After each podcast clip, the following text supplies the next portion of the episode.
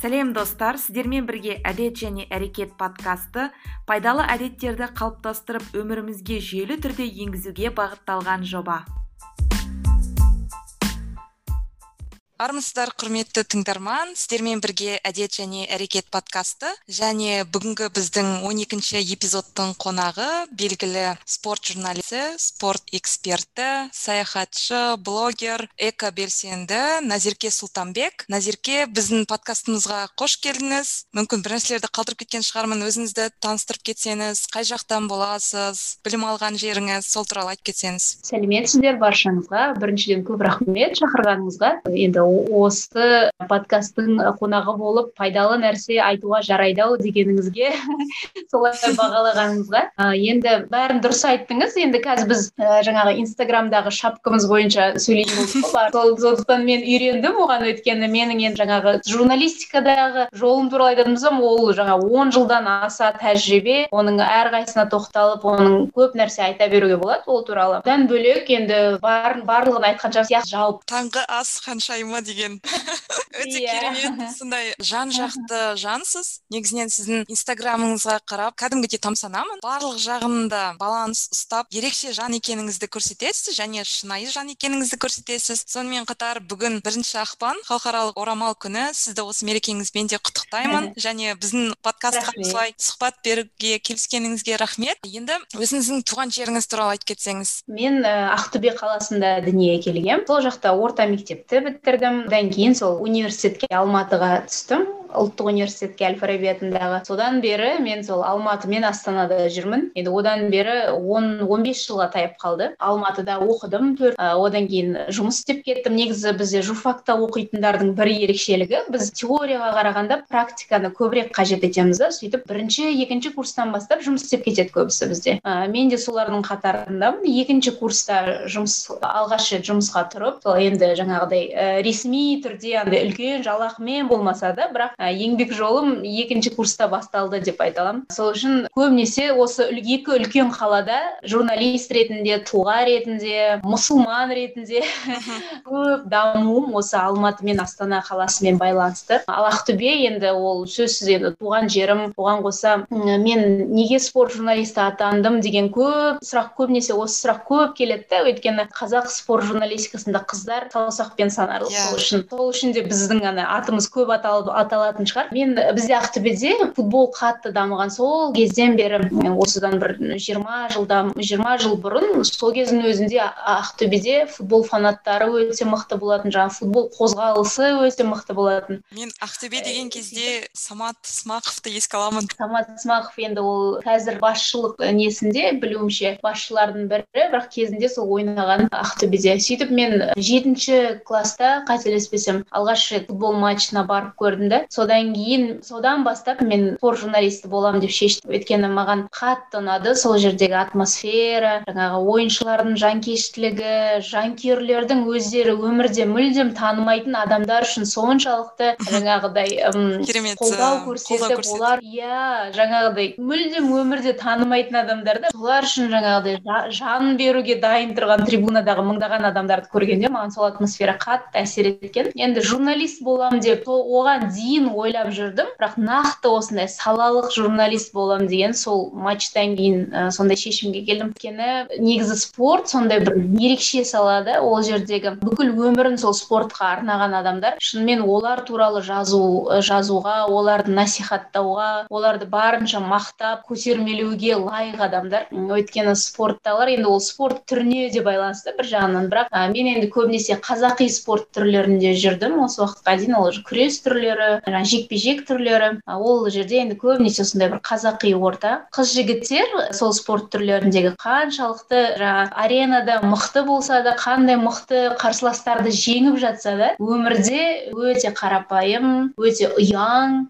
Сондықтан да мен осы жылдарды сол спортқа арнап оларды барынша қолымнан келгенше танытуға спортшыларды оларды көрсетуге бұқараға жұмсағаныма еш өкінбеймін. Өйткені шынымен соған лайық бүгінгі күннің батырлары деп айта аламын. Керемет. Сіздің көп репортаждарыңызды қарадым. Шынымен де сондай қазақ елінің қазақ барысы болсын балуандарды танытуға насихаттауға көп қызмет еткен екенсіз. Және сіздің мені қуантып отырғаны сіз кішкентай кезіңізде мектеп кезіңізде кім болатыныңызды бірден біліп соған мақсатты түрде жеткен адам екенсіз. Мысалы көп адамдар енді мектепті бітіріп жатса да білмей жатады. Қандай саланы таңдаймын қандай менің қолымнан не келеді деген сияқты. Немесе басқа бір иә бір уақыттан кейін мүмкін сіздің де салаңыз өзгеріп кетуі мүмкін ғой. Енді адам әртүрлі өзгеріп тұрады ғой. Маған қызық қыз баласына осы спорт спорт саласында жұмыс істеу қаншалықты қиын негізі жұмысыңызда сізге ұнайтын ұнамайтын қандай жақтары болды? Біріншіден жаңа мамандық таңдауға қатысты қысқа қысқаша айтқым келіп тұр. Жақында мен бір жобада ментор болдым. Ол әлеуметтік жоба болды. Сол жерде мен және көптеген тағы менторлар болды әртүрлі салада жұмыс істейтін. Сол жерде біз оқушылармен кездестік. Көбінесе осылай зум арқылы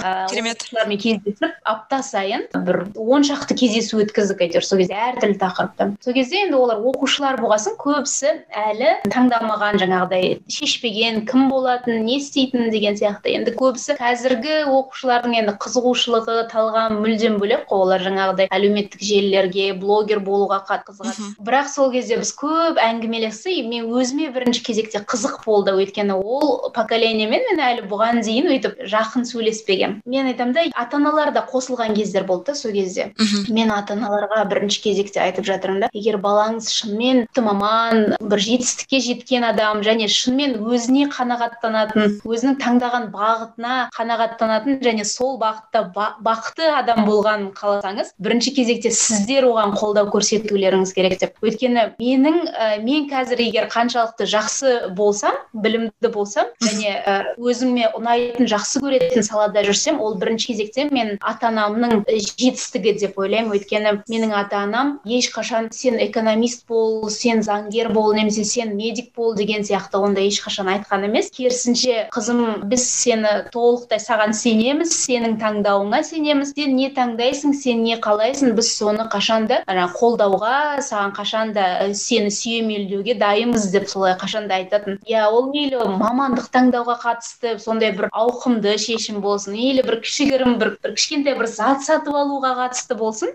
оның жаңа ауқымына байланысты емес шешімнің менің әке шешем қашанда маған қолдау көрсететін бір жағынан менің бұл жеке өміріме де әсер етті деп айта аламын. Өйткені егер мүмкін менің әке шешем жаңағыдай стандартты кейбір стандарт семьялардағыдай андай қысым көрсетіп қалай да күйеуге шығуым керек деп ә, не иә. болса мүмкін мен ә, бұдан ертерек шығып мүмкін тек күйеу жаңағы тұрмыс құру керек деген мақсатпен ғана солай жас, жасау мүмкін еді бірақ мен аллаға шүкір ә, әке шешем маған қашанда толықтай маған сеніп толықтай жаңағы сенім сенім артып маған менің таңдауыма маған еркіндік берді солай еркін өсірді бізді барлық үйдегі балалардың барлығын. Сол үшін біздің жаңағы ә, тұлға ретінде реализоваться еткеніміз содан да болар деп ойлаймын бірінші керекті сосын жаңа мамандығымдағы қиындықтар мен артықшылықтар жайында енді бірінші кезекте оның кез келген жұмыстың қиындығы болады онсыз енді менің ойымша онсыз кәсіп жоқ ешқандай. Ә, сол үшін бірінші кезекте мен әрине оның плюстарын көбірек айтар едім жұмыстың өйткені бұл ә, спорт саласы мен үшін жай ғана жұмыс деп айта алмаймын. Ешқашан олай айта алмаймын. Өйткені маған көп мотивация берген ә, мені ұлтқа жаны ашитын өзгеге жаны ашитын біреуге көмек көрсете алатын қиын ситуациядан тұрып тұрып аяққа тұрып кет, ә, тұрып ары қарай жұмысын жалғастырып кете алатын жаңағыдай рухы мықты адам ретінде тәрбиелеген осы сала деп айта аламын. Өйткені бұл салада жаңағы спортшылар маған бірінші кезекте спортшылар қашан да күнделікті мен үшін үлгі болып көз алдымда. Спортшылар мысалға күресте он он бір жаста олар күресті бастайды кәсіби түрде. Күресті бастайды енді он он бір жас деген мен үшін әлі кішкентай әлі кішкентай бала. Бірақ соған қарамастан олар сол он он бір жаста кәдімгідей саналы түрде шешім қабылдап осылай мен күреске барамын мен кәсіби спортшы боламын мен олимпиаданы жеңуім керек деген сияқты үлкен мақсаттар қоя бастайды алдына. Сол мақсат енді ол бірақ спортта мысалға басқа бір салада бір жүйелі түрде белгілі бір қадамдар жасау арқылы қысқа мен қысқа демей ақ бірақ спортқа қарағанда аздау уақытта белгілі бір межеге жетуге болады. Бірақ спортта ол өте ұзақ және өте қиын жол. Жаңа он он бір жаста кәсіби спортпен айналысуды бастайды жеткіншек. Одан кейін ол күнделікті жаттығуға бару керек. Ол мектепке қарағанда сол спортқа көбірек көңіл бөлу керек. Сосын оның жаңағы кішкентай баланы баланың кішкентай бала жаңағы мысалы ойын баласы ғой енді ол. Иә ойнағысы келеді басқа өзінің құрдастары сияқты. Компьютер ойнағысы келеді жаңағы соткада отырғысы келеді. Бірақ оның ондай мүмкіндігі жоқ. Өйткені ол сол спорт саласын таңдады ма ол толықтай соған өзін арнау керек. Оның аз уақытта жарыстары басталады аз уақытта жаңағы жаттығу жиындары басталады. Яғни ол көп мысалға бір шамамен жиырма кейде тіпті отыз жылға жалғасатын сондай ұзақ жол өмірлік жол. Яғни ол жерде мысалға жұмыс адам болды спортшы болдым. Жаңағыдай сегіз сағат жұмысын істеп келемін офиста отырамын белгілі бір жаңағы объемды болды дейді. Ондай нәрсе жоқ спорт. Спортта сен спортшы болам дедің ба сонымен өмір сүресің. Сенің өмірің сол болады. Өйткені отбасылары спортшылардың мысалы кейін олар үйленіп не істегенде отбасылары мысалы әйелдері оларды былай егер жылдың ішінде бүйтіп қосып қосып олар кездескен күндерін санағанда сол он екі айдың он бір айын ғана он бір айын көрмейді да олардың өздерін күйеулерін. Өйткені олардың өмірі сол. Олар жаңағы жылдың соңында келесі жылға жоспар құрылады күнтізбелік жоспар. Сол күнтізбелік жоспарда бәрі тұрады жаңағыдай. бір айдың ішінде олар қай елге қай уақыт күндері жарысқа барады ол жарысқа дайындалу үшін қай жерде жаңағы жаттығу жиынын өткізеді жаттығу жиынының өзі бір екі аптаға созылады ол таудың бөктерінде болады немесе басқа елде болады деген сияқты. Яғни оларда мысалға қазір 2021 басталса олар 2020-ның соңында уже бапкерлер барлығын оларға дайындап міне осындай бізде жоспар деп 21-дің жоспарын толықтай жылдың соңына шейін жасап тастайды. Сол үшін кәсіби спортшы ол толықтай жаңағы байлаулы соған. Бірақ ең қызығы спортшылар бізге мысалға сырт көзге ол өте ауыр сондай бір қиыншылыққа толы сондай бір көрінуі мүмкін да. Бірақ ең қызығы спортшылар соншалықты өз саласын жақсы көреді. Олар керісінше содан рахат алады олар сол жаттығу сол жаңа жарыс болмай қалса олар қатты қиналады. Жүрегі де денесі де қиналады. Ауырсынады иә өйткені олар соншалықты соны жақсы көреді. Егер мысалға жиырмасыншы жыл барлығымызға сондай сынақ жылы болды ғой спортшыларға әсіресе өте сондай қиын жыл болды өйткені спортшылар үйреніп қалған. Оларда өмірінде сондай жыл сайын оларда барлығы анық барлығы түсінікті қай айда қай жаққа барамыз не істейміз мен қандай жарысқа дайындалуым керек ол жарысқа дайындалу үшін мен не істеуім керек деген сияқты барлығы оларда түсінікті болады.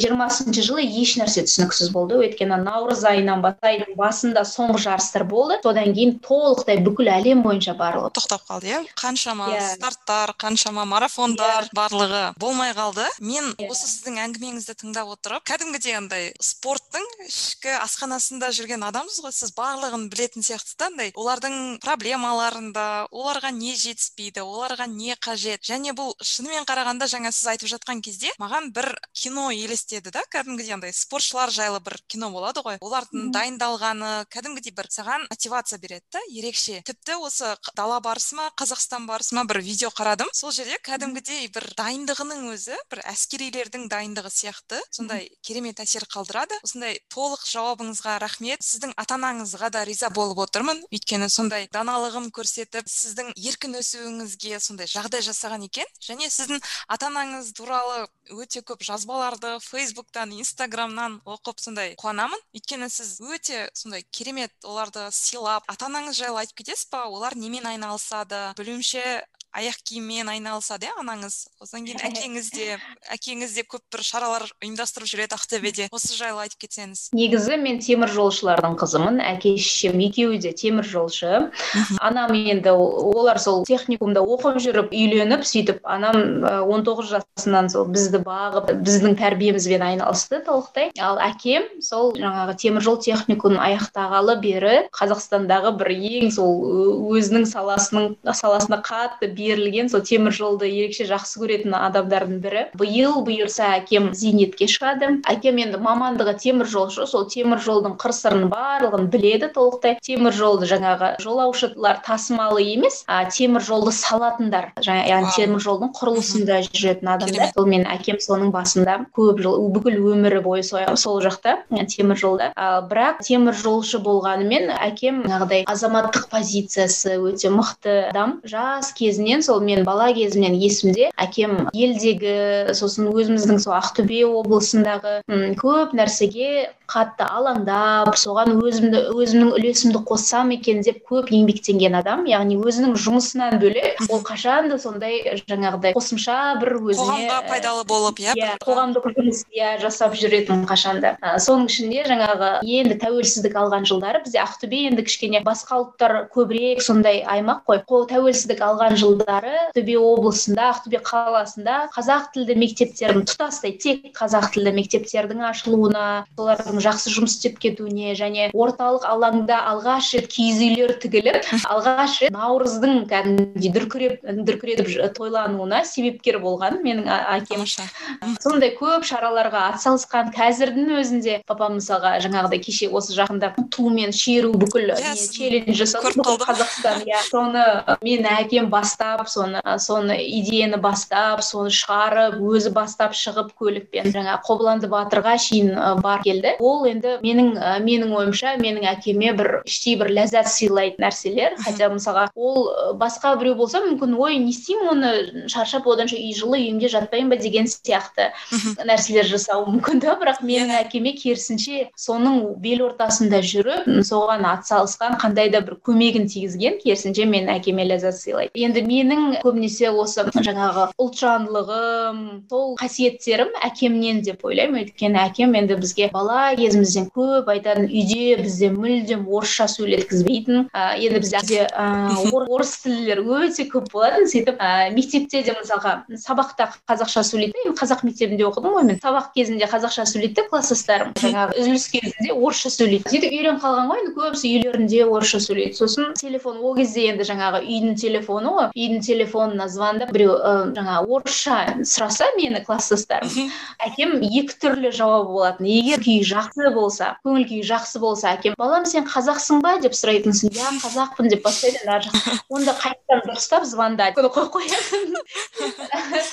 Ал егер ал егер көңіл күйі болмаса онда ол қиындау. Өйткені жаңағыдай намысына тиетіндей біраз сөз айтады ана адамға. Сен қазақ бола тұра неге қазақша сөйлемейсің? дегендей қазақтардың үйіне звондап тұрсың деп ә, немесе кері мүлдем үндемей қоя салатын трубканы. Сол үшін бізге үйде тіпті мысалға папаммен ә, неге жаңа магазин аралаған кезде өзімізге аяқ киім бір нәрсе қарап жүріп аралаймыз ғой енді әке шешеммен бірге сол кезде кіріп сатушы егер бізбен ең бірінші қазақша амандасып папа бұрылып шығып кететін. Немесе сол сатушымен ерінбей соны айтатын жаңағы балам көзі қара қазақсың неге қазақша сөйлемейсің өзіміздің елде деген сияқты папа ерінбей оларға жаңағыдай лекция керемет мен бала кезімде сол нәрселерге андай енді мысалға тинейджер кезіңде ойлайсың ғой ой папа қойыңызшы бір нәрсе деп сол үшін ше. Ал бірақ қазір соның бәрін ойласаң соның бәрі біздің санамызда. Жаңағыдай кішкентай кішкентай ситуациялар әр ситуация әр м сондай бір жағдай біздің санамызда қалыптаса береді екен да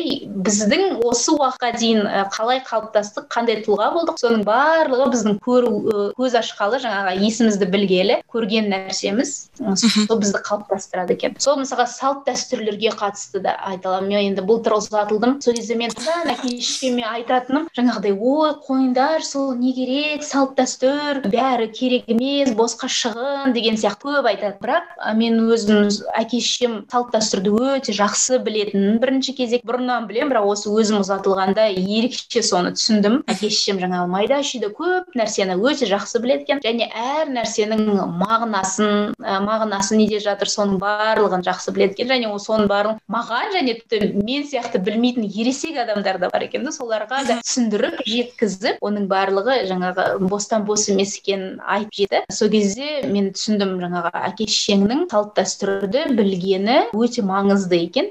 Ә, өйткені олар салт дәстүр салт дәстүрді қазақилықты білу арқылы мен келген жаңа жерге жаңа отбасыға мені яғни өздерінің қызын жаңа семьяның келінін сыйлы қылып кетті. Олар сол жаңағы барлық нәрсені ескеріп барлық нәрсені істеп кеткенінің арқасында менің дәрежемді олар бастапқыдан осы жаңа семьяда көтеріп кетті. Мен сонысына риза болдым. Әке шешем сол үшін салт дәстүр керек емес жаңағыдай ол ескінің несі деген ондай керек керісінше дұрыс емес. Әр нәрсенің өз орны өз мағынасы бар екен. Назерке жаңа айтып кеттіңіз ұзатуым болды деп. Былтырғы жылдың тамыз айында отбасын құрдыңыз. Сіздің осы қуанышыңызбен өміріңіздегі жаңа бір кезеңмен құттықтаймын. Сізге бақыт тілеймін. Сіздің ата анаңыздың осындай көрсеткен тәрбиесі өте маңызды деп ойлаймын. Және бұл өте қуантарлық жағдай. Осындай белгілі бір принциптары бар адамдар өзінің айналасындағы адамдарды өзгертеді. Және біздің бірінші қонағымыз нұрлан иманғалиев деген кісі ол мұғалім. Сол кісінің әңгімесі де менің есіме түсіп кетті. Адам пайдалы болған кезде ғана ол бақытты болады дейді сондықтан сіздің ата анаңызға зор денсаулық тілеймін. Өмір жастары ұзақ болсын. Сіздің осы спорт журналистикасында үлгі тұтатын журналист бар ма? Немесе бір мұғалім адамыңыз бар ма? өмірде үлгі тұтатын? Енді спорт журналист ретінде жаңа жазу жағынан әрине сейдахмет бердіқұлов ол қазақ спорт журналистикасының атасы.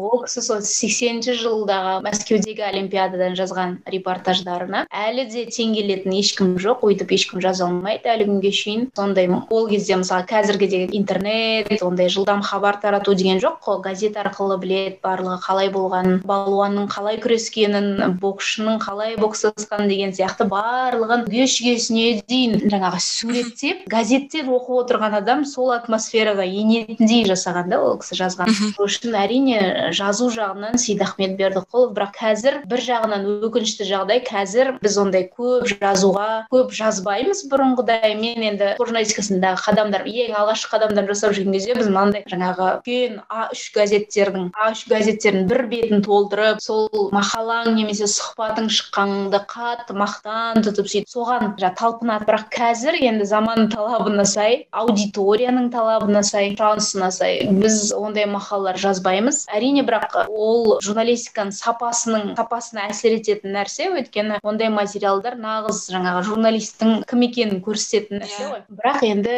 біз сол аудиторияға қарай икемдендік. Көп мен мысалға осыдан бірнеше жыл бұрын ә, бір конференцияда кездестім. Көп осы спорт, спорт журналистикасындағы ұстаздарыммен. Сол кісілер енді айтып жатыр да ой назерке деген енді олар зейнеттегі өте жас үлкен кісілер солар айтып жатыр. Кезінде назерке деген өте жазатын еді. Кез келген жігіт барлық жігіттердің алдын орап алатын журналист еді деп айтып жатыр да. Қазір білмеймін не істеп жүргенін деген сияқты. Өйткені олар жаңағы үлкен аға буын үшін біз көрінбей қалған сияқтымыз да. Өйткені біздің жұмысымыз қазір жаңағы әлеуметтік желіде менеджерлік жұмыс ал жаңа аға буын үшін ә, сенің мақалада үлкен неде газетте үлкен шыққан сол сенің жұмысыңның көрсеткіші. Енді мен қазір соңғы енді 2011 жылдан бастап мен күрес федерациясында жұмыс істей бастадым. Содан бері менде спорттағы жаңағы баспасөз қызметі деп айтамыз. Ғой көбірек жаңа менеджерлік менеджерлік жұмыс көбірек басым болды. Журналистік жұмысыма қарағанда бірақ сол баспасөз қызметіндегі жұмыс мені көп нәрсеге үйретті. Өйткені мен жай ғана журналист болған жоқпын. Бірінші екі, екі нәрсені қатар алып жүрдім да яғни менеджерлік жұмыс ұйымдастырушылық жұмыс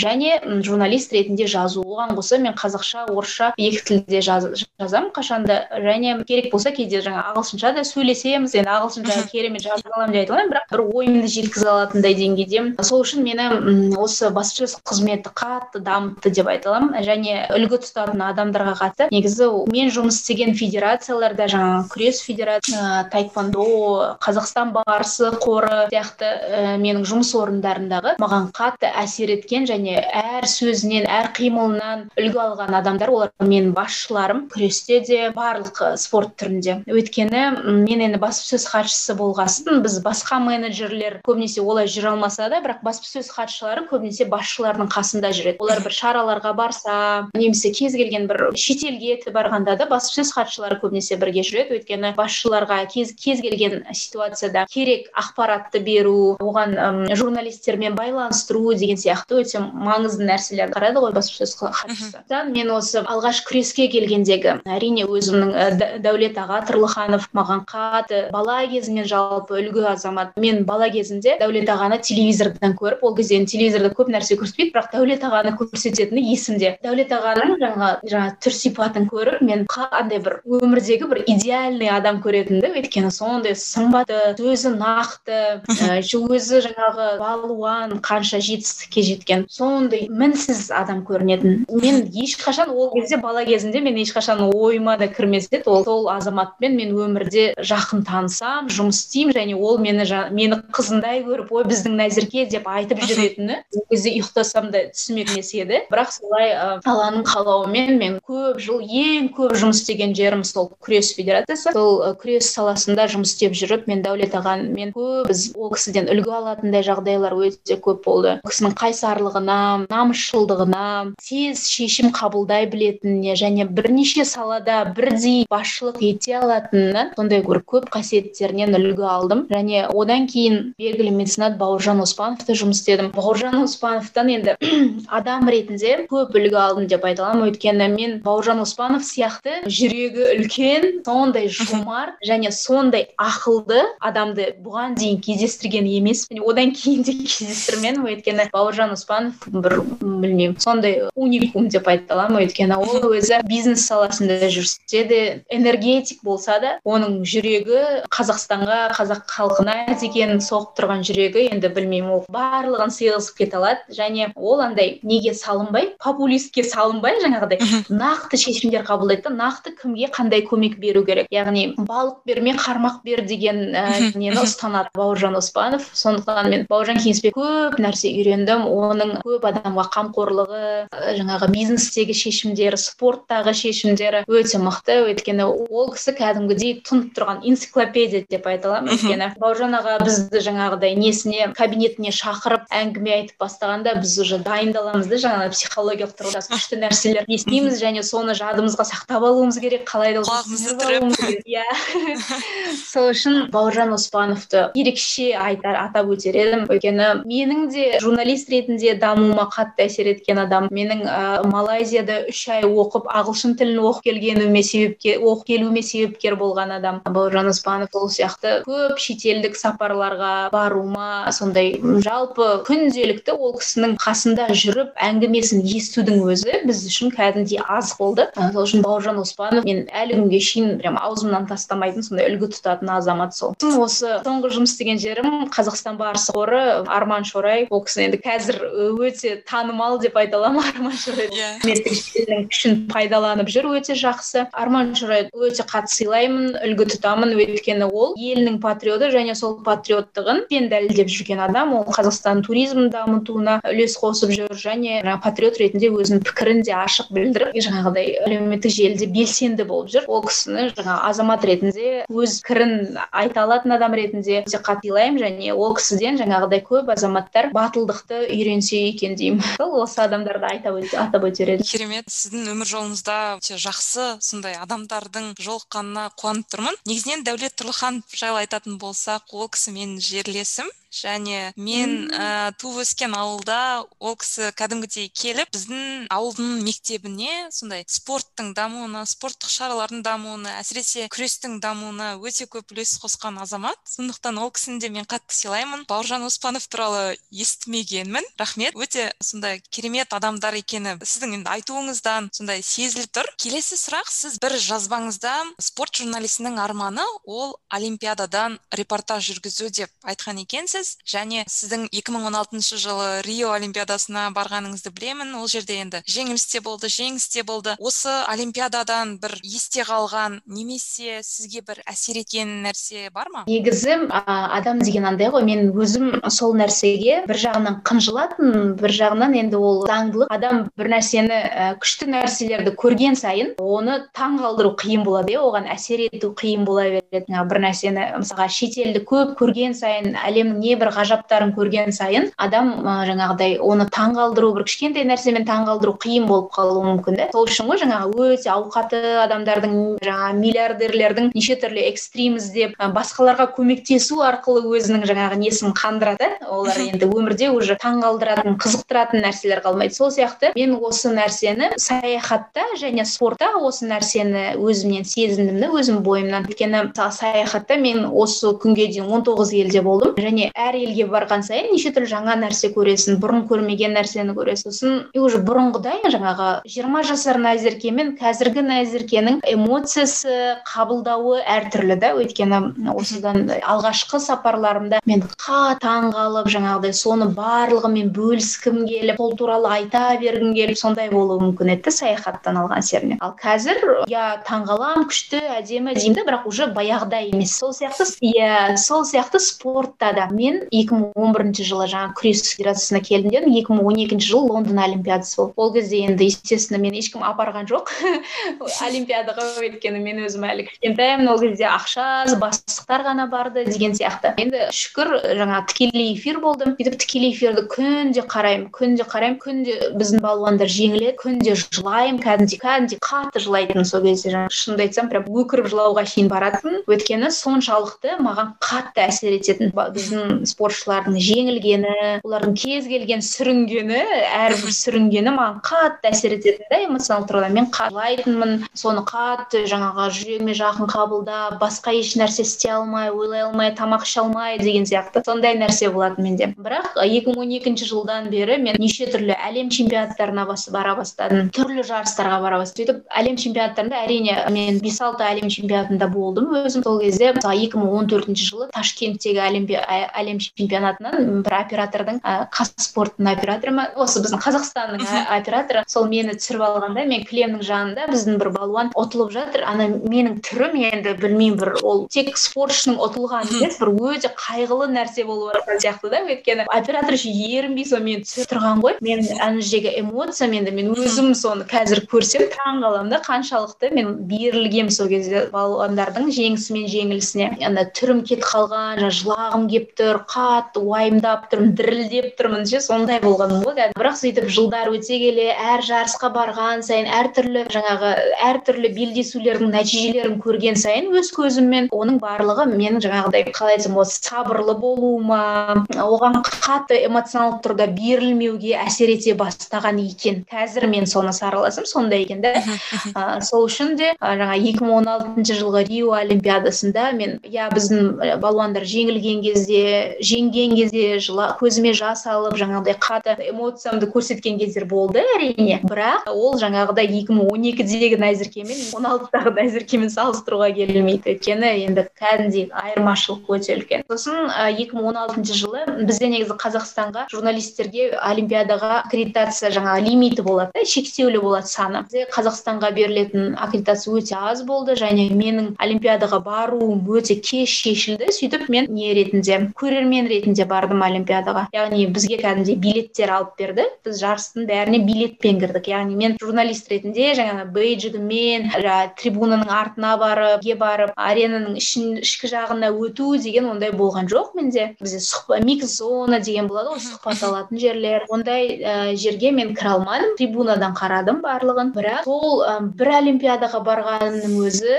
менің бір олимпиадада болдым деген бір күшті сезім сыйлайды да. Өйткені олимпиада. Жалпы спортшы үшін бірінші кезекте оның карьерасындағы карьерасының шыңы ең басты межесі ол олимпиада кез келген спорт. Оның ә, жаңа сырын мен сол кезде түсіндім. Өйткені олимпиада дәл сол қарсыластар яғни мысалы бір салмақ дәрежесін алатын болсақ әлем чемпионатында да олимпиада ойындарында да дәл сол балуандар сол лидерлер ә, сол елдер иә бірақ олимпиадада мүлдем жаңағы алдын ала болжау мүмкін емес. Мысалы мынау міне мыналар финалға шығады ау осы жеңеді ау деп айту өте қиын. Өйткені олимпиаданың сондай бір сиқыры бар. Ол жерде бұрын тіпті ешқандай ешқай жерде медаль алмаған спортшының өзі жеңіп кетуі мүмкін. Білмеймін сондай олимпиада өте ерекше. Бақ шаба ма бап шаба ма деп иә. айтады ғой. Иә олимпиада бірінші спорт тұрғысынан сол жағынан өте ерекше. Екінші екіншіден жанкүйерлердің енді мен таң қалдым. Қаншалықты адамдар олимпиада десе кәдімгідей адамдар бірнеше жыл бұрын билеттерді алып қояды екен. Бірнеше жыл бұрын жоспарлайды екен осындай олимпиадаға барамыз жаңағы қонақ үйлерін броньдап несін билеттерін алып жарысқа бірнеше жыл бұрын дайындалып жаңағы өздерінің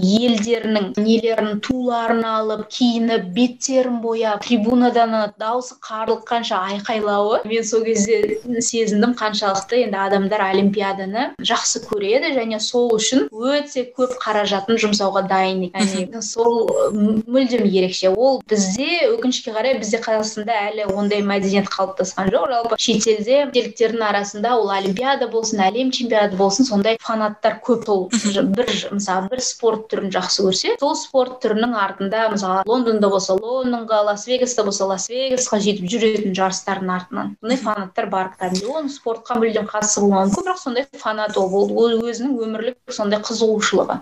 Бізде өкінішке қарай әлі де ондай мәдениет қалыптасқан жоқ. Енді бір білмеймін бір жүз мыңнан бір бір адам болмаса тек мүмкін. Көбінесе бізде сол спорттың маңайындағы адамдар ғана спортты білетін және спортқа қызығатын адамдар солар ғана. Сол өзінің жаңағы туысқаны баласы немесе ағасы спортта дегендей немесе өзі бұрын күрескен дегендей. Сондай әйтеуір спортқа қатысы бар адамдар ғана спорттың жаңалықтарынан хабардар болып соның жарыстарына барып дайындалып сөйтіп жүретіндер. Енді білмеймін енді болашақта сондай мәдениет бізде де қалыптасады деген үміттемін келісемін. Ондай уақыт өте келе бір кезеңдермен болады деп ойлаймын. Негізінен алғанда мен осы олимпиада жайлы өзім ойлап қарасам мен күресті ғана тамашалайды екенмін. Және серік сәпиев олимпиадада бокстасқан кезінде мен кәдімгідей дұға етіп соны жеңуін тіледім да айтпақшы назеркенің ютуб каналы бар. Біздің тыңдармандарымыз жазылып қойсын бес мыңнан артық жазылушысы бар. Және назеркенің осы ютуб каналында неше түрлі видеолар бар сондықтан жазылып қойыңыздар. Назерке менің сізден сұрағым келгені осы кез келген жарыс болсын. Бір екі сұхбаттарды көрдім. Спортшыларымыз бір жеңген кезде сондай керемет эмоция үстінде болады. Эмоцияны сөзбен жеткізу мүмкін емес. Сондай бір қатты адамға әсер етеді. Бірақ маған бір көңіліме қаяу түсіретін ол спортшының жеңіліп қалған сәт. Осы кезде сіз қандай қолдау көрсетесіз? Не істейсіз сондай кезде? Мен кәдімгідей аяп кетемін. Спортшы жеңіліп қалса бәрі ана жеңген адамның артынан жүгіріп кететін сияқты да анау қалып қалатын сияқты өзімен. Сондай жағдайлар болды ма? Сондай кезде не істейсіз? Бірінші кезекте мен жаңағы болашақ журналистермен кездесулерде қашанда айтатынмын егер спорт журналисті болғың келсе онда бірінші кез жаңағы тек журналист қана емес спортшылардың досы спортшылардың психологы онымен сонымен жақын араласатын оның оның сырласы болуды үйрену керек. Өйткені спортшылар олар кез келген адамға айта жаңағы сырын ашып барлығын айта беретін адамдар емес. Оларға бір өзі шынымен сеніп айта алатындай адам болуың керек та сен неңді одан сұхбат алу үшін. Сол үшін бірінші кезекте спортшымен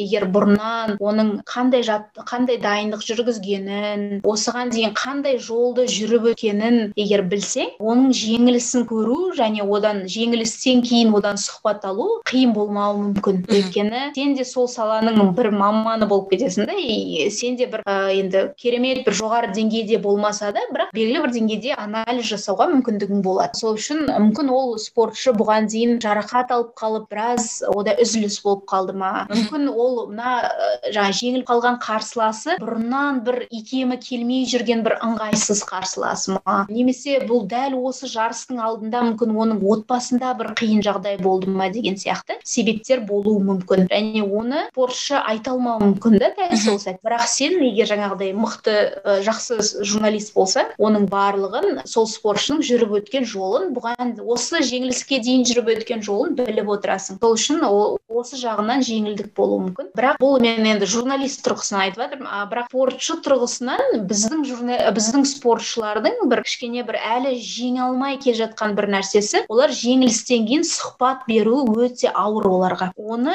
бірақ олай болмайды деп есептеймін. Мен спортшылар жеңсе де жеңілсе де сұхбат алушылар болса оларға кәдімгідей ересек адам ретінде кәсіби маман ретінде жаңағы профессионал ретінде шығып олардың алдында иә мен жеңілдім ол оның себебі мынада оны былай былай былай деген сияқты өзінің ойын өзінің позициясын білдіру керек деп ойлаймын. Бізде бірақ енді қазір шүкір балуандар жаймен деп үйреніп келе жатыр.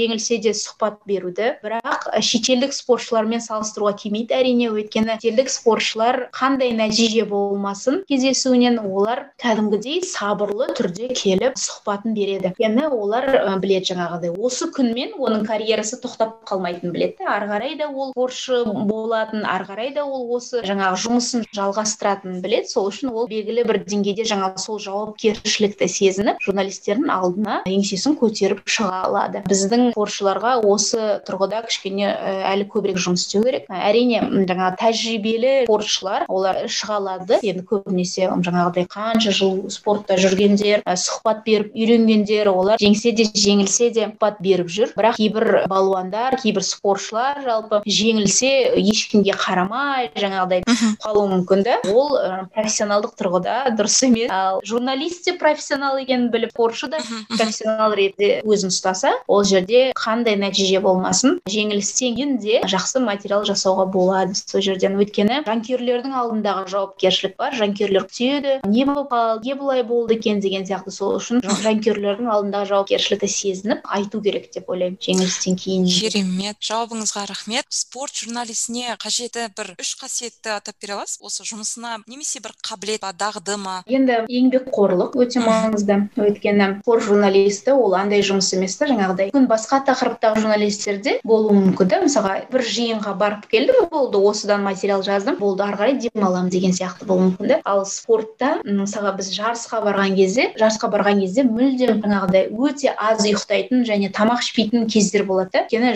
жарыс кезіндегі жұмыс енді нон стоп жаңа режимінде болады. Өйткені күні бойы мысалға таңертеңгі тоғыздан кешкі тоғызға дейін жарыста жүресің соны суретке түсіресің сол туралы жазасың репортаж жасайсың сұхбат аласың. Кешкі тоғыздан кейін қатысушылар да бапкерлер де төрешілер де олар жұмысын атқарып болды. Олар ары қарай демалады ұйықтайды тамағын ішеді ертеңгі күнге дайындалады. Ал журналистер сол күні бойы жинаған материалдарын тағы да барып оның барлығын өңдеп жан жаққа таратып жіберіп жаңағы бастығына жіберіп немесе басқа журналистерге жіберіп деген сияқты сондай жұмысы жалғасады. Соны түннің ортасына шейін жұмыс істеу керек кездер болады жарыс кезінде. Сондықтан еңбекқорлық өте маңызды. Сосын екіншісі ол жан жақтылық деп айтар едім және қашан да жаңа нәрсені үйренуден жалықпау. Өйткені оған менің өзім мысалы мысал бола аламын өйткені мен енді журналистика факультетін бітірген кәдімгідей өзімді кәсіби журналистпін деп газеттерге материал жазып жүрген адам сөйтіп неге келген кезде баспасөз қызметіне сол кезде әлеуметтік желілердің дамып келе жатқан кез болды. Екі мың он бірінші жылдары вконтакте басталды. Сөйтіп мен вконтакте жүргізетін болдым да бірақ менің профессионал ретінде қатты намысыма тиген нәрсе болды да неге мен кәсіби журналистпін жаңағыдай эгом енді соны жібермей тұр ғой мен кәсіби журналистпін бірақ мен какой то там вконтактедағы парақшаны жүргізуім керек деген сияқты нәрсе жібермей тұрды да мені бірақ сол парақшаны кәдімгідей нөлден бастап жүргізе бастағанда ол қазақстанда әлі ондай ол өйтіп жүргізбейтін ешкім спорт туралы сөйтіп жүргізе бастағанда сосын уже адамдар адамдар жинала бастады өздері жинала бастады сосын аймақтарға жарыстарға барамын ғой мен көп айына бірнеше жарысқа баратын жұмыста жүрген кезде сөйтіп өскеменге барамын таразға барамын шымкентке барамын солай айына екі үш жарысқа баратынбыз аймақтарға. Сөйтіп аймаққа жарысқа барған кезде кішкентай балалар жаңағы он он бір жастағы балалар күреске қатты қызығатын жақсы көретін күресті. Жүгіріп келіп сіз деген назерке сұлтанбексіз ғой вконтактедағы парақшаның админісіз ғой деп сөйтіп. Танымалдылық иә мен сол кезде я жыларымды я күлерімді білмейтінмін. Өйткені мен өзімді жаңағы кәсіби журналист мен білдей бір федерацияның баспасөз хатшысымын если что деп тұрған солай вк админ деп танитын бірақ ол енді уақытша болды. Уақытша сезім болды. Өйткені уақыт өте келе мен түсіндім адамдардың қазіргі қалауы талабы сол екенін. Өйткені мен шетелге барғанда да мен вконтакте арқылы хабар тарата бастадым да. Мен вконтакте жаңағы шетелде отырып жарыста ең бірінші болып жазамын. Жаңағы кілемнің жанында отырып ноутбукпен жазамын вконтакте. Қысқаша хабарламалар. Бәленбай бәленше мындай есеппен жеңді деп мысалы или жеңілді. Ол хабарды қазақстанда ең бірінші болып сол вконтактедағы оқырмандар біледі өте қызық республикалық телеарналар емес республика радио емес вконтактедағы парақшадан күрес жанкүйерлері әлем чемпионатының нәтижелерін ең бірінші болып біліп отырады. Сонысымен де адамдарға бағалы болады да? Ол сол жердегі контент адамдар үшін бірінші кезекте өте тез ең бірінші болып шығады және жаңағы эксклюзив. Сөйтіп мен ол жаңағы нені жеңдім сол ішіндегі бір нені қарама қайшылықты. Содан кейін жаңа екі мың он бесте инстаграм жүргізе бастадым. Тоже бізде олай спортта екі мың он бесінші жылы спорт парақшалары болмайды. Біз сондай күшті қарқынды дамып күшті жүргізе бастадық. Сосын қазір екі мың жиырмадан бастап тик ток жүргізе бастадым мен. То есть мен екі мың жаңағы екі мың алтыншы жылы журналистика факультетіне түскенмен және төрт жыл журналистикадан білім алған адам. Мен вконтакте инстаграм тик ток деген сияқты нәрселер. Негізгі нәрсе болмаса да менің жұмысымда негізгі нәрсе болмаса да бірақ мені маман ретінде назерке сұлтанбек ретінде көпшілікке танытқан нәрселер сол болды. Сол үшін мен соны айтар едім. Жаңа нәрсе үйренуден жалықпау керек және намыстанбау керек. Тіпті өзіңнен жасы кіші адам да сенен көп нәрсе білуі мүмкін да. Бір белгілі бір бағытта саған қарағанда оның білімі күштірек болуы мүмкін. Саған қарағанда жаңа нәрселер білуі мүмкін. Сол үшін өзіңнен жасы кіші болса да қандай адам болса да егер сенің үйренерің болса жаңа нәрсе үйренуге болады қашанда және оған намыстанбау керек одан қашпау керек. Сол сосын үшінші маңызды нәрсе ол коммуникация құра білу адамдармен дұрыс тіл табыса білу өте маңызды спортта өйткені егер адам жай ғана күшті жазады керемет жазуы керемет бірақ адамдармен тіл табыса алмаса ол ешқашан күшті материал жасай алмайды. Спортта спортшымен күшті дос бола білу керек. Спорттағы басшылармен жақсы тіл табыса білу керек. Бапкерлерге жаңағыдай бапкерлерге қалай ыңғайын тауып олардан қалай ақпарат алуға болады? Сол сияқты оның барлығын алу үшін журналист өзіне керек ақпаратты өзіне керек жаңағы спортшының эмоциясының эмоциясын спортшының ішіндегі басқалар таба бермейтін нәрсені табу үшін журналист өте жаңағы тіл табыса білу керек адамдармен өзінің мінезін көрсетіп жаңағыдай ондай болмау керек. Керісінше жұмсақ таныту керек керек жерінде жақсы сөзін айту керек жаңағыдай тәкаппар болмау керек. Осы нәрселер былайша айтқанда бір жағынан қарасаң бізді адам ретінде қалыптастырады адамның жақсы мінездері сияқты. Иә бірақ сол мінездер жақсы журналист болуға да әсер етеді. Сізбен толықтай келісемін. Бұл негізінен тек қана спорт журналисі емес кез келген адамға қажеті қазіргі софт скиллс дейді ғой адамның иә. өмір сүруіне қажетті иә бір жағынан дипломат болу иә. керексің бір жағынан ештеңеден қорықпау керексің жаңағы трендтарды білу керексің жаңа нәрсені білу керексің өте керемет жауабыңызға рахмет. Сіздің белгілі бір үзбей қарайтын спорт түрі бар ма? Сіз бір қандай спорт түріне жанкүйерсіз? Мысалы олимпиада болса барлық ойындарды көресіз ба жоқ әлде бір таңдап көресіз ба деген сияқты? Негізі енді спортты өз көзіңмен көрген ең күштісі сол ғой. Сол трибунада отырып көзбен көргенге еш нәрсе жетпейді. Сол үшін теледидардан қарауға бүкіл спорт түрлерін қарауға мен шыдамым жете бермейді. Енді мен ең көп қарайтыным әрине күрес. Күресті прям тапжылмай бірнеше сағат бойы қарай аламын. Жаңағы грек рим күресі еркін күрес күресі соны тапжылмай қарай аламын. Теледидардан болсын трибунада отырып болсын. Салқын залдарда кәдімгідей қатты орындықтарда отырып күні бойы таңертең тоғыздан бастап кешкі алтыға шейін отырған кездерім болды. Өйткені маған шынымен ұнайды шынымен қызық. Күрес екінші ол қатты ұнайтын спорт түрі ол үлкен теннис. Мен қатты жақсы көремін. Үлкен теннисті бір кездері өзім тіпті жаттығу жасап көргенмін. Кәдімгідей бапкермен жаттығуға барып сөйтіп өзім бүкіл жаңағыдай ракетка бүкіл керек жарақтың барлығын алып сөйтіп қатты айналысып жүрген кездерімде ол жай өзім үшін ғана қатты ұнайды үлкен теннис. Сол үлкен теннисті мен теледидардан кәдімгідей бірнеше сағаттап қарай аламын. Маған қызық. Және бір кішігірім бір арманым да бар сол жаңағы сол үлкен теннистің басты жарыстарының біріне кез келген бір үлкен жарысына барып көргім келеді шетелде. Соны көргім келеді өз көзіммен астанада енді астанада жиі болып тұрады жарыстар. Біздің жаңағы ұлттық құрама басқа нелерді аргентина сондай елдерді қабылдады. Сол кезде бардым. Барып жүрдім астанада тұрған кезде қатты ұнайтын. Бірақ сондай бір арманым бар шетелдегі жарыстардың біреуіне барып көргім келеді. Керемет. Осы үлкен тенниста сіз бір ойынын сүйсініп қарайтын спортшы бар ма? Енді серена уильямс деп айтар едім. Серена уильямс өйткені ол сондай прям өте қайсар ойыны өте мықты сондай ешқашан берілмейтін сондай ойыншы. Сосын ер адамдардан ол новак джокович сол бұрыннан ұнайтын өте иә. әйгілі. Жақсы. Мен осыдан бірнеше жыл бұрын мария шарапованың кітабын оқыған едім сол жерде. Ол өзінің бір естелігімен бөліседі. Оған ойын басталып жатқан кезде әкесі әкесі әрбір матчына барып тұрады. Оған жанкүйер болып. Мына әкесі айтқан екен банан жеп ал деп алдында. Сөйтіп ол жеңіске жетеді. Сосын бір спорт журналисі оған айыптап айтқан екен да енді сізге әкеңіз осындай айтып қойды деген сияқты. Соған ыыы жаңа мария шарапова күліп айтқан екен да енді банан жегеннен ұтым деген сияқты. Екі мың он тоғызда жартылай марафон жүгірдіңіз. Негізінен бірнеше иә спортпен айналысасыз. Мен өзім жартылай марафонды өте көп жүгірдім. Бір он шақты түрін жүгірдім. Бірақ әлі толық марафон жүгіріп көрген жоқпын. Сізде қалай? Осы толық марафон жүгіріп көрдіңіз ба? Жүгіруге деген құлшыныс қызығушылық қай кезде басталды? Қазір маған жүгіру туралы сізді айтып жатқан кезде бір өмірі бір шын өмірде болмаған не қиял нәрсе сияқты болып көрініп тұр да өйткені андай. Ондай жарысқа бармағалы және жарыс көрмегелі бір жылдан асып сол атмосфераны сезіп ұзақ уақыт өтіп кеткен сияқты. Иә мен екі мың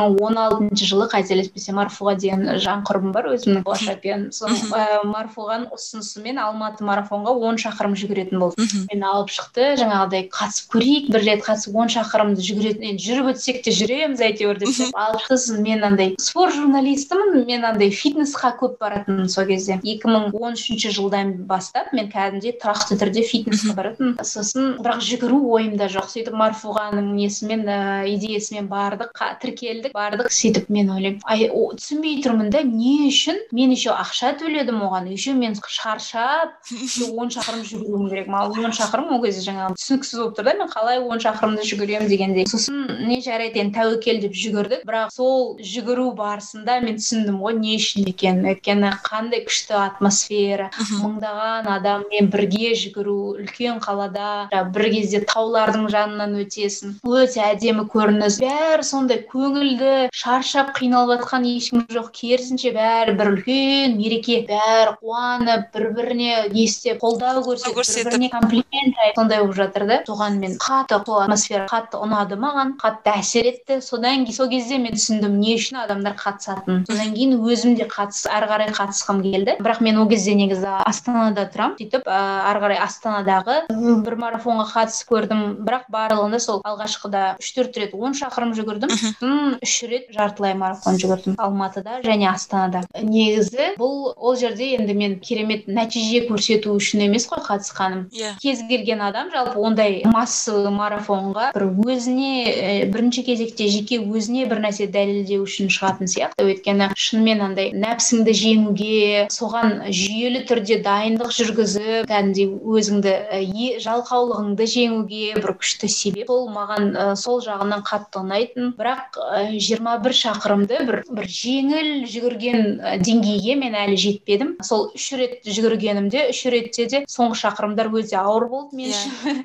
Мен де келісемін соңғы шақырымдар өте ауыр болды. Бірақ енді физикалық тұрғыда өзін дамытып жақсы дайындалған адам менің ойымша негізі жеңіл жүріп жүгіріп өтетіндей деңгейге жету керек мен ол деңгейге әлі жетпедім. Сол соңғы рет екі мың он тоғызда жүгірдім. Сонда иә екі мың он тоғыздың екі мың он тоғызда мен астанада иә. Астанада биай марафонға қатыстым майда. Ол рамазан айы болды ау деймін қателеспесем бірақ астанада сол кезде астана марафонға оған дейін қатыстым да. биай марафонға бірінші рет қатыстым. биай марафонның ерекшелігі сол биайдың өзінің салған жаңағы нелері бойынша нысандарымен өткізеді екен да маршрутты. Сонысы маған қатты ұнады. Өте әдемі болды маршрут. Өйткені біз көпірлермен жүгіріп өттік. Бірнеше көпірмен жүгіріп өттік. Судың үстімен де жаңағыдай пешеходныймен де әртүрлі көпірлер болды. Өте әдемі болды. Астананы енді мен өзім қатты жақсы көретін адам ретінде маған сол биай марафон қатты ұнады. Визу, визу, визуал тұрғыда қатты ұнаған бірақ енді содан кейін мен сол екі мың он тоғыздың көктемінде соңғы рет жүгірдім жартылай марафон. Одан кейін екі мың он тоғыздың күзінде бізде астанада күрес түрлерінен әлем чемпионаты болды. Енді ол тарихи жағдай болды. Мен соның бел ортасында жүрдім сол жерде жұмыс істедім.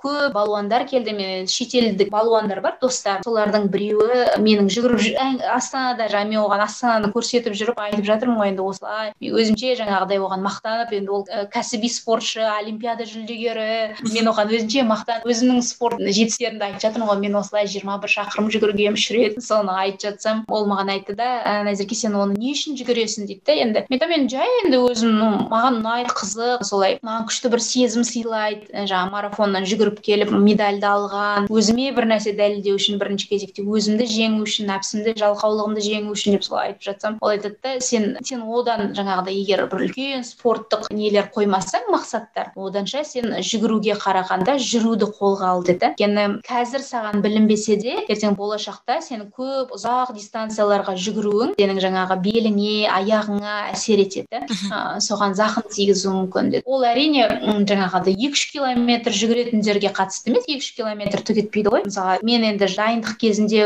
соңғы айда мысалы он шақырымдап жүгірдім ғой енді жартылай марафонға дайындалу үшін. Ал ондай ұзақ дистанцияларға тұрақты жүгіру сенің жаңағы денсаулығыңа керісінше зиян зиян тигізуі мүмкін деді да пайдасына қарағанда. Содан кейін мен ойланып қалдым ол маған жаяу жүру туралы көп нәрсе айтып берді. Оның пайдасы жайында қалай жүру керек не істеу керек оның жалпы не үшін керек екенін сол туралы көп айтып берді жаяу жүру жайында. Сөйтіп мен қызықтым бірақ айттым. Мен жүгіруді ол кезде әлі де қимай тұрдым да. Әлі де қимай тұрдым да сосын. Ну мен ешнәрсе уәде бере алмаймын бірақ көремін жүріп көремін. Сосын өзімнің неме ішкі неме қараймын деп жағдайыма. Сөйтіп жүріп ә, мен сол кезде алан қалауымен біз жаңа пәтер алып астанада ботаникалық бақ тура қасына көшіп бардық ботаникалық бақтан жүз елу екі жүз метрлік жерде болды үйіміз. Сөйтіп сол ботаникалық баққа шықтым. Сол жерде жаяу жүре бастадым ал ол жерде жаяу жүруге жағдай күшті жасалған. Күшті жасалған арнайы мынандай жолақтар бар жүгірушілерге арналған. Сөйтіп жүре бастадым. Сосын жаңағыдай енді өте әдемі жер тал көп. Жүруге өз жүгіруге жүруге өте ыңғайлы жер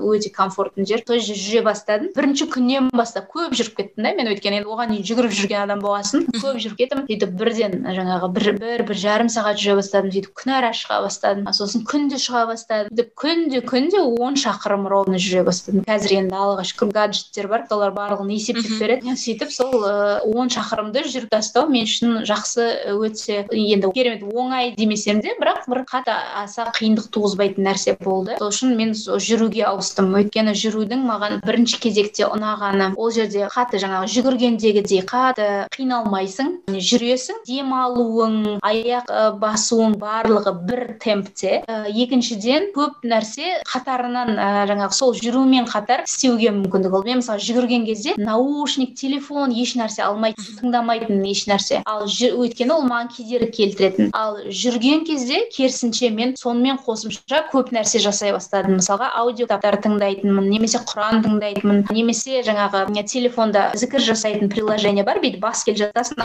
ауызбен айтып басып тәсіп сияқты да. Соны жасайтын яғни бір бір жарым сағаттың ішінде мен көп нәрсе тындыратын параллельно бір нәрсе екіні қатарынан алып жүрдім иә екі пайдалы нәрсені қатар жасау маған қатты ұнады. Мен жүруге ауысып кеттім.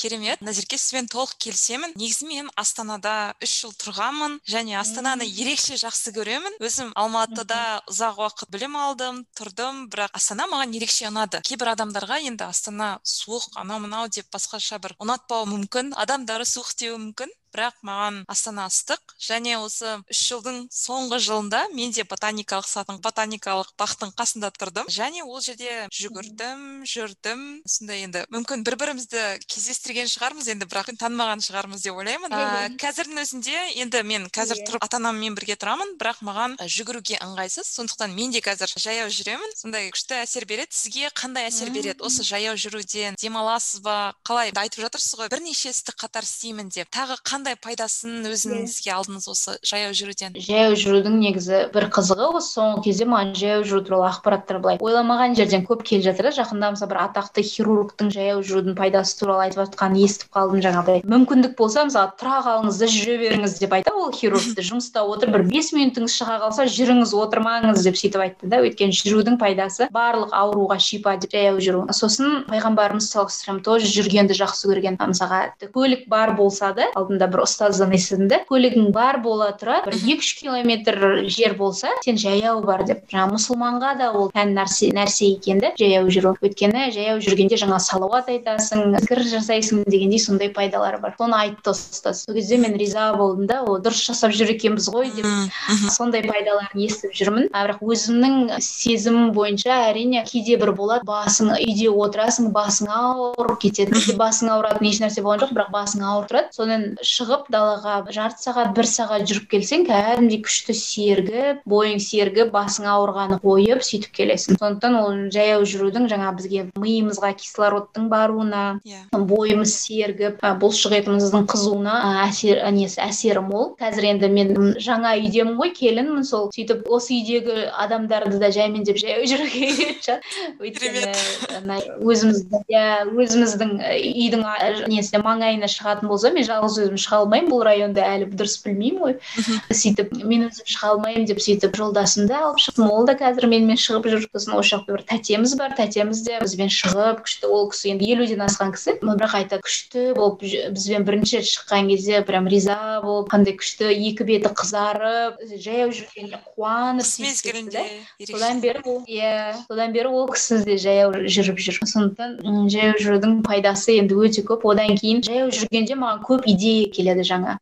Адам бір қалыпты жаңа бір темппен жүріп келе жатады да. Оның миына жаңа көп жаңа не келеді. Сөйтіп мен жаяу жүру барысында сол өзімнен байқағаным жаяу жүру барысында көп жаңа идея келеді екен. Көп нәрсе ойластыра бастаймын жаңа жоспарлар құра бастаймын. Сосын соны есте сақтап сосын үйге барғасын қағазға жазып алуға тырысамын да. Сөйтіп ары қарай іске асырамын негізі өте миға да денеге де пайдасы көп екен жаяу жүрудің. Иә. келісемін назерке сіздің инстаграмыңызды қарап отырып мынандай нәрсені байқадым сіз бір жерде садақ атып жатырсыз бір жерде парапланмен секіріп жүрсіз бір жерде жаңағы жылқымен атқа мініп жүрсіз. Сізден сұрағым келгені сіздің бір осы спорттың ішінде бір ерекше жақсы көретін өзіңіз айналысатын спорт түрі бар ма? Немесе болашақта қолға алғыңыз келетін спорт түрі бар ма? Жаңағы атқа мінуді қатты жақсы көремін мен. Мүмкіндік болса алматыда да астанада да барып жүретін құрбыларыммен атқа мінуге атқа атқа міну қатты ұнайды. Атқа мінуді кәдімгідей тұрақты барып тұратындай қолға алғым келер еді. Ә, енді ол үшін кәдімгідей тұрақты түрде алыс жерге барып тұру керек та бір жаман. Иә қаланың сыртында иә көбінесе. Жаңағы иә ипподромдар иә. нелер иә. Сөйтіп мысалы жақын жерге бара салатындай спорт түрі емес та бірақ менің ойымша ол соған тұрарлық нәрсе. Сол жаңағы жылқы жылқымен атқа міну мен ненің садақ ату негізі сүннет қой біздің дінімізде бар нәрсе құпталатын нәрсе. Сол үшін негізі сол екеуіне қызығамын бірақ садақ ату аса қолымнан келмейді. Енді атқа бала кезімізден былай сирек болса да бірақ мініп жүрміз ғой. Сол үшін атқа міну жаңағы атпен жүру ол мен үшін қорқынышты немесе мүмкін емес нәрсе. Емес. керісінше қуана оңайлықпен істейтін нәрсем. Ал садақ ату өмірімде бір екі үш рет ат көрдім. Мүлдем ата алмадым. Қанша тырыссам да несі тигізе алмадым межесіне. Бірақ енді ол да көп адамның жаңағы көзін көзінің жақсы не істеуіне әсер ететін өте пайдалы спорт түрі. Оған қоса қазақи иә. yeah. жаңағы мұсылман тұрғысынан да өте сондай жақсы бізге жат емес дүние. Сол нәрселерді негізі жасауға болады. Бірақ дәл қазір ондай нақты жоспарлар жоқ. Міне күні ертең yeah. осылай барамын бастап жатырмын деген ондай әзірше жоспар жоқ. Бірақ енді мен осы уақытқа дейін сол жаңа бағана айтқанымдай екі мың он үшінші жылдан бері тұрақты айналысқан нәрсем сол фитнес. Мен алматыда және астанада бір өзіме жақсы ұнайтын өте комфортный сондай фитнес клубтарға абонемент алып жылдық абонемент алып кәдімгідей соны кәдімгідей пайдаланатын адаммын да мен кәдімгідей барамын соларға. Өйткені менің құрбыларым бар жылдық абонемент алады да соған бармай қалады. Ұмытып ма? Мен иә жылдық абонемент аламын және бардым талай фитнес клубтарға бардым астанада да алматыда сол менің ең тұрақты және кәдімгідей беріліп айналысқан нәрсем сол. Өйткені фитнес клубта бір жақсысы бір кірсең жаңағы кардионың да бар жүгіруің сосын барып жаңағы топтармен бірге әртүрлі қыздардың қыздарға арналған әртүрлі нелермен айналысуға болады. Сол жағынан маған ұнайтын фитнес клуб суына да түсуге болады деген сияқты сондай бірнеше нәрсені бір жерден бітіріп кетуге болатыны маған қатты ұнайды фитнес клубтарда сол үшін де шығар көп алты жеті жыл енді сол фитнес клубтардан шықпағаным. Бірақ қазір енді дәл қазір еш нәрсемен айналысып жүрген жоқпын. сол жүруден басқа жүру және үй, үй жағдайындағы гимнастика болашақта сондай садақ ату атқа мінудің ыңғайы келуіне тілектеспін. Сіздің мароккодағы сапарыңыз маған керемет әсерлі болған сияқты. Жаңағыдай сіз сол жақта болып сол жақтың атмосферасын көрсеткенде маған бір күшті әсер етті деп айта аламын. Сіз үшін осы мароккода сізді таң қалдырған бір есте қалған нәрсе бар ма? Шынымен мен үшін де өте ерекше сапар болды. Мен өзім туған әпкем гүлназбен бардым сол сапарға. Жалпы ол сапарды толықтай жоспарлаған барлығын қай күні қай жерге барамыз қандай қонақ үйде орналасамыз соның барлығын жасаған сол менің әпкем. Мен тек қосылдым болды.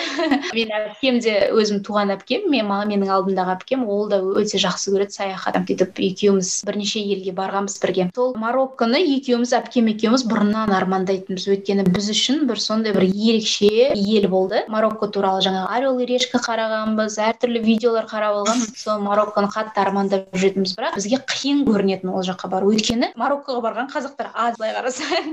Қазақтар аз. Енді қазақтар мысалға дубай туралы айтып беруі мүмкін түркия туралы айтып беруі мүмкін бірақ марокко туралы айтып беретін қазақтар аз да. Сөйтіп жан жағымыздан ол туралы естімегесін бізге мароккоға бару қиын оның визасын алу қиын сияқты көрінеді. Бірақ сол екі мың он тоғызыншы жылдың соңында сөйтіп әпкем давай мароккода осындай осындай жолдары бар екен бар көрейік деп барайық деп сөйтіп билеттерін ертерек алып қойдық. Мәскеу арқылы билеттер алдық. Мәскеу стамбул солай бірнеше пересадкамен билеттер алдық. Сөйтіп мароккоға кетіп ұзақ сапар болды. Екі аптадан аса уақыт болды ғой. Деймін қателеспесем ұзақ сапар болды. Және марокко өзі кішкентай ел ғой бірақ көретін жерлері өте көп. Әр қаласының бір өзінің ә, ерекшелігі бар. М сөйтіп біз бір алты жеті жерін көрдік ау. Деймін қателеспесем көп жерін көрдік. Тең ә, жаңағы мұхиттың жағалауында да болдық. Тарихи жерлерін де көрдік. Маған ең қатты әсер еткен және ұнаған нәрсе. Марокколықтар негізі ол жерде енді жағдайы нашар халық өте көп. Керемет бай халық деп айта алмаймын. Сол күнделікті күнкөріспен айналысып жүргендер өте көп. Бірақ маған ұнағаны кез келген нәрседен туристерді қызықтыратын дүние жасай алғандығы маған ұнады. Мысалы біз ескі базарына бардық иә? Ескі базар кәдімгідей лас сондай кейбір жерлер мысалы қирап жатыр қалай болса солай салынған. Бірақ ол жерде жаңағы сатушылар кәдімгідей енді жеміс жидек те сатып жатыр киім де сатып жатыр барлығын араластырып сатып жатыр бірақ соның өзінен олар туристерді қызықтыратын нәрсе істеп қойған да бір жерінде жаңағы отпен шоу көрсетіп жатыр бір жерінде жаңағы жылан нандарды андай музыкамен шығаратындар отыр солар жаңағы соған сол үшін ақша алып отыр деген сияқты. Сатушылар да өте жақсы жұмыс істейді да жаңағы туристермен өте жақсы жұмыс істейді. Сол жағынан маған қатты ұнады. Және кез келген бұрынғы сарайлары бұрын бұрыннан бірнеше ғасырдан бері келе жатқан мешіттері соның барлығын сақтап және соның барлығын туристік орталықтар жасап қойған да содан сонысы маған қатты ұнады. Өйткені сонысымен де марокко бүкіл әлемді қызықтырып отыр да өйткені оның өзінің колориті бар өзіне ғана тән ерекшелігі бар. Сон басқа елде көре алмайтын нәрсені мароккодан көре аласың. Ол жерде бір жаңа заманауи ғимараттармен таңғалдыр таңғалдыруға тырыспайды. Керісінше жаңағы бір қабырғасы қирап жатса да сол бұрынғы бірнеше ғасырлық ғимаратымен бас туристерді қызықтырады қызықтыратынын біледі және сонысын сақтап отыр. Сол жағынан енді бірақ маған қанша жерде болдық қой мароккода. Бірақ қатты есімде қалғаны ол біздің сахараға барғанымыз сахара шөліне. Біз сахара шөліне сол тур алдық қой енді. Тур алғаннан кейін жақын жердегі ауылға бізді көлікпен апарды. Қанша сағат жүріп бардық күні бойы жол жүріп бардық көлікпен. Сосын жаңағы ауылдан бізді сахарадағы лагерімізге дейін түйемен апару керек. Біз соны өзіміз таңдағанбыз түйемен барамыз ше. Өйткені бірнеше жолы бар таңдау. сөйтіп түйемен барамыз деп өзіміз таңдағанбыз. Енді күшті бір олар айтты да барарда күн батқанда жүреміз түйемен қайтарда күн атып келе жатқан кезде таң атып келе жатқан кезде түйемен жүреміз деді сахара шөлімен. Сөйтіп біз енді күшті елестетіп тұрмыз ғой. Ол сахара шөлі әлемдегі ең үлкен жаңағы танымал шөл. Біз сол жерде түйенің үстінде мароккода деп өзімізге күшті елестеттік соны бірақ шындығына келгенде түйемен түйенің үстінде бір жарым сағат жүру өте ауыр болып шықты. Жаңағы ол білмеймін мүмкін оған адам жаңағы жатқан адамдар ғана міне алатын шығар. Бірақ бір жарым сағат бойы біз лагерьге дейін жүріп бардық түйемен. Өте ауыр болды. Түйемен жүру өте қиын екен. Ол атқа қарағанда басқа неге қарағанда басқаша болады екен барлығы.